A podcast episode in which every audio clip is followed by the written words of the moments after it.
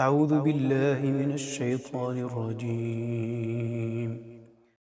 يا أيها الذين آمنوا عليكم أنفسكم لا يضركم من ضل إذا اهتديتم.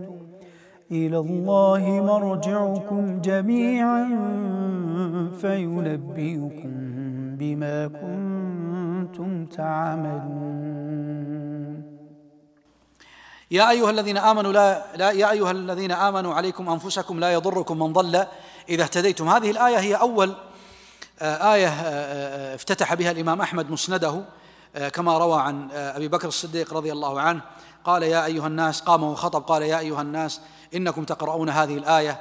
وذكرها فقال وإنكم تضعونها في غير مواضعها وإني سمعت رسول الله صلى الله عليه وسلم يقول إن الناس إذا رأوا المنكر ولم يغيروه أوشك أن يعمهم الله بعقاب.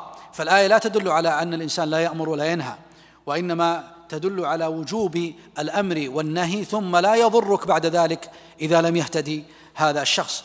فالآية تدل على أن الإنسان لا يزر وزر غيره بعد الأمر والنهي.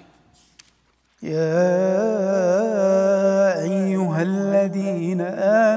شهادة بينكم إذا حضر أحدكم الموت حين الوصية.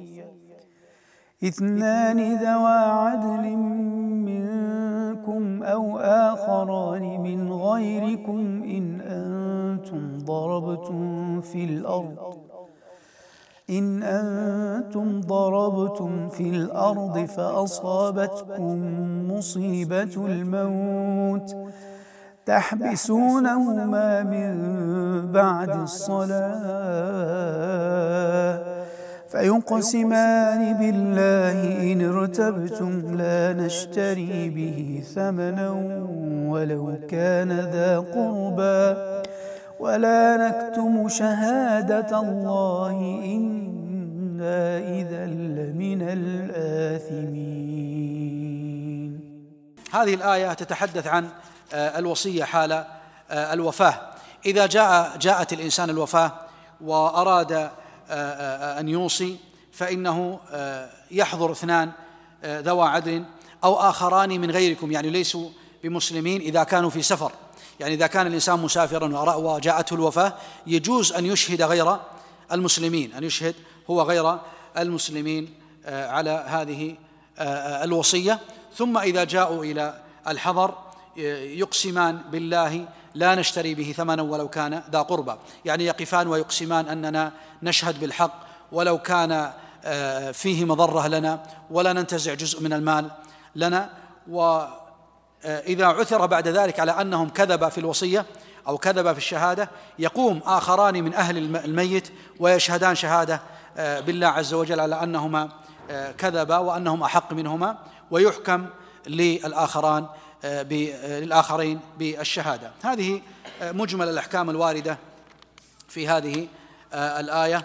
ويعني حقيقة أن الحديث يطول جدا في بيان أحكام آه، آية واحدة. والمجلس لا يتسع لآية من آيات الله عز وجل وبيان ما فيها من الأحكام. وقد يجلس الإنسان شهر أو شهرين بل إن بعض العلماء يستنبط مئة حكم من آية وهذا موجود في آه، كتب العلماء.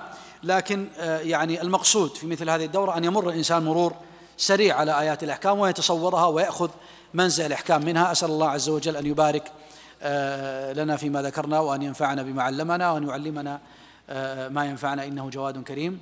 وصلى الله وسلم وبارك على نبينا محمد وعلى آله وصحبه أجمعين.